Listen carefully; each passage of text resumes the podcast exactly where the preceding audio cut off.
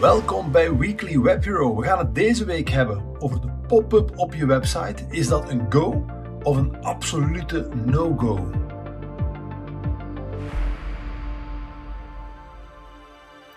Hallo allemaal, mijn naam is Jode Ferm en uh, ik ben de founder van Web. Ik zie er een beetje gehavend uit deze week.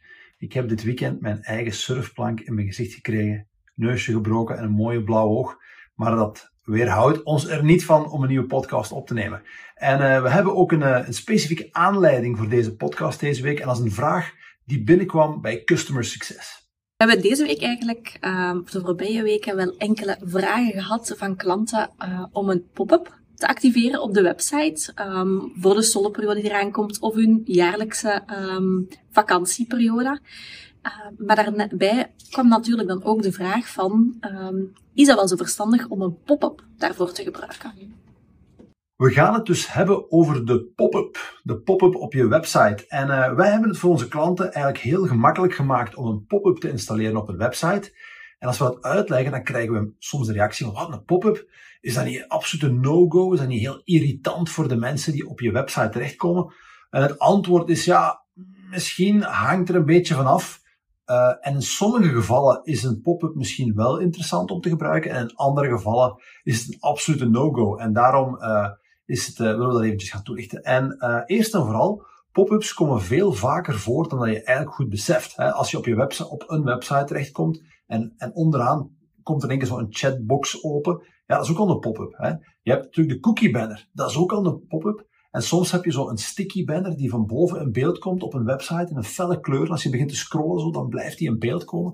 Dat is ook eigenlijk een pop-up. Dus pop-ups worden algemeen al best goed aanvaard. Maar waar wij het over gaan hebben, is die pop-up die centraal een beeld komt in een vierkant of soms een volledige overlay gaat hebben op de website. Is dat een verstandige keuze, ja of nee?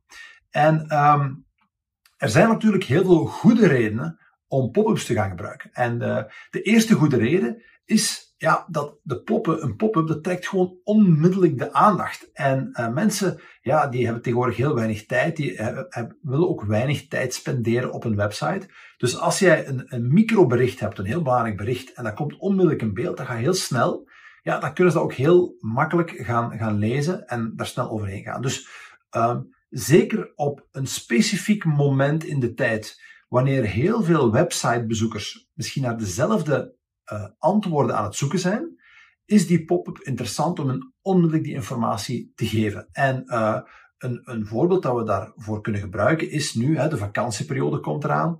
En uh, je, gaat, je hebt misschien een bepaalde sluitingsperiode, wanneer je op verlof bent. Ja, dat is wel interessant. Dat is interessant voor iedereen die op je website komt, dat ze weten dat je gesloten bent. Of je hebt een, een zondagopening in de soldeperiode of zo, dan weet je dat veel bezoekers op, op je website komen zoeken naar wat zijn nu de openingsuren tijdens de zondagopening. En dat zijn zo typische elementen die misschien interessant zijn voor, relevant zijn voor je websitebezoeker en die passen in, uh, in, in een pop.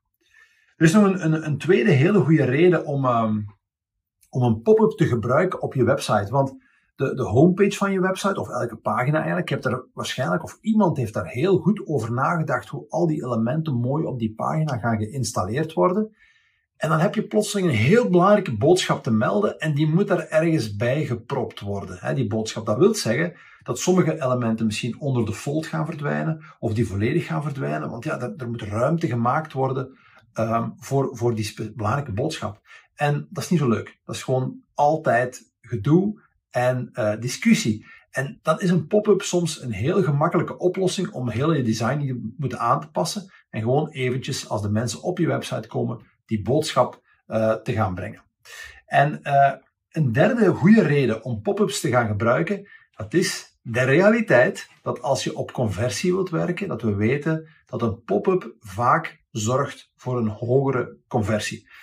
um, ik heb het al, al vaak gezegd dat um, de gemiddelde conversiepercentages op een website zit rond de 2%. Dat wil zeggen dat als je 100 bezoekers hebt op je website, dat slechts 2% van die mensen een aanvraag gaan doen, een offerte aanvraag, iets gaan kopen, een e-book gaan downloaden, zich kenbaar gaan maken. 2%.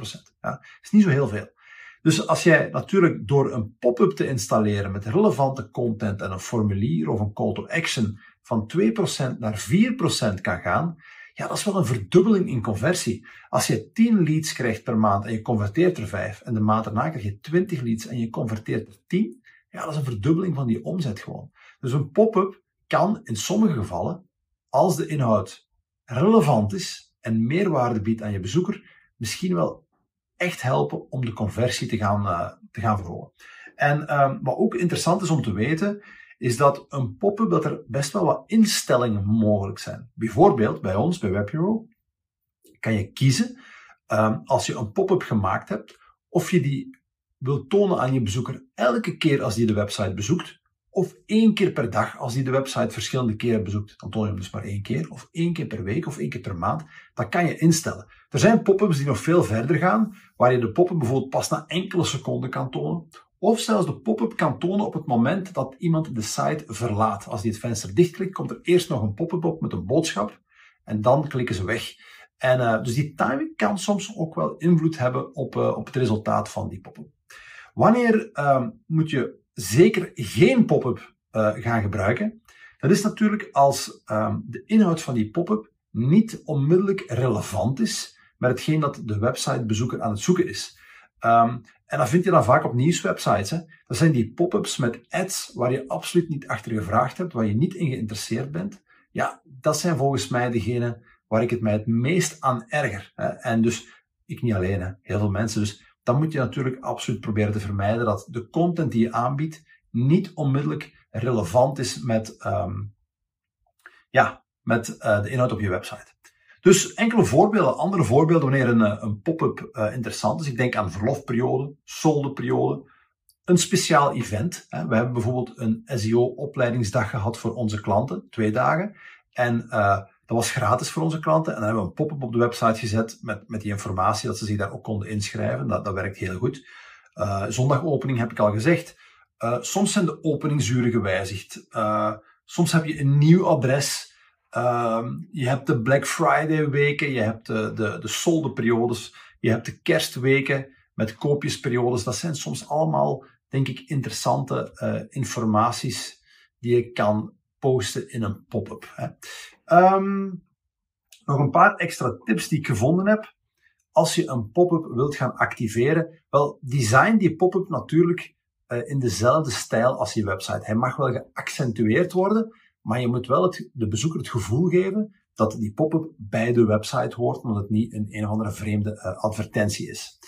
Vergeet de mobiele versie niet, hè, want ja, als een pop-up groot wordt gemaakt voor je desktop, moet die natuurlijk kleiner worden gemaakt voor uh, op smartphones. En, heel belangrijk, een pop-up wil je gemakkelijk kunnen dichtklikken als hem je niet interesseert. Dus dat kruisje rechts bovenaan, zorg dat dat heel helder is, dat dat dik genoeg is, helder in beeld is.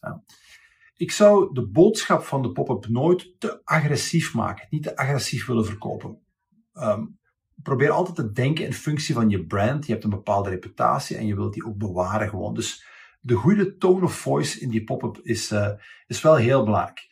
Um, wegklikken heb ik gezet. Ah, de, de frequentie daar heb ik net ook al over uh, gesproken. Ik denk dat een pop-up die bij elk websitebezoek opnieuw open gaat, ik denk dat dat vaak een slecht idee is. Als het gaat over verlofdagen, openingsuren, etc. Wel, je kan dat ene keer tonen, maar je moet dat niet elke keer tonen als iemand je website bezoekt. Dat gaat uh, irritant zijn. Hè?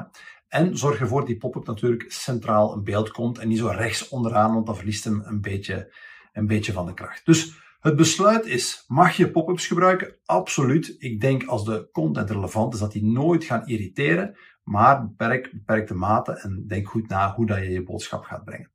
Dat was het voor uh, de Weekly Web Hero deze week. Um, ik zou graag een oproep willen doen. Als jij een vraag hebt over je website, neem een filmpje op, stuur het naar mij. Kunnen we je vraag beantwoorden in een van de volgende, van de volgende afleveringen. Dit is uh, de video, maar de video wordt natuurlijk ook een podcast uitgebracht op Apple of Spotify. Um, en als je mij nog een heel groot plezier wilt doen, schrijf een review op onze podcasts. Uh, dat helpt ons uh, dat, dat de podcast meer gaat gevonden worden en dat meer mensen onze content gaan bereiken. Dankjewel en tot volgende week voor een nieuwe Weekly Web Hero.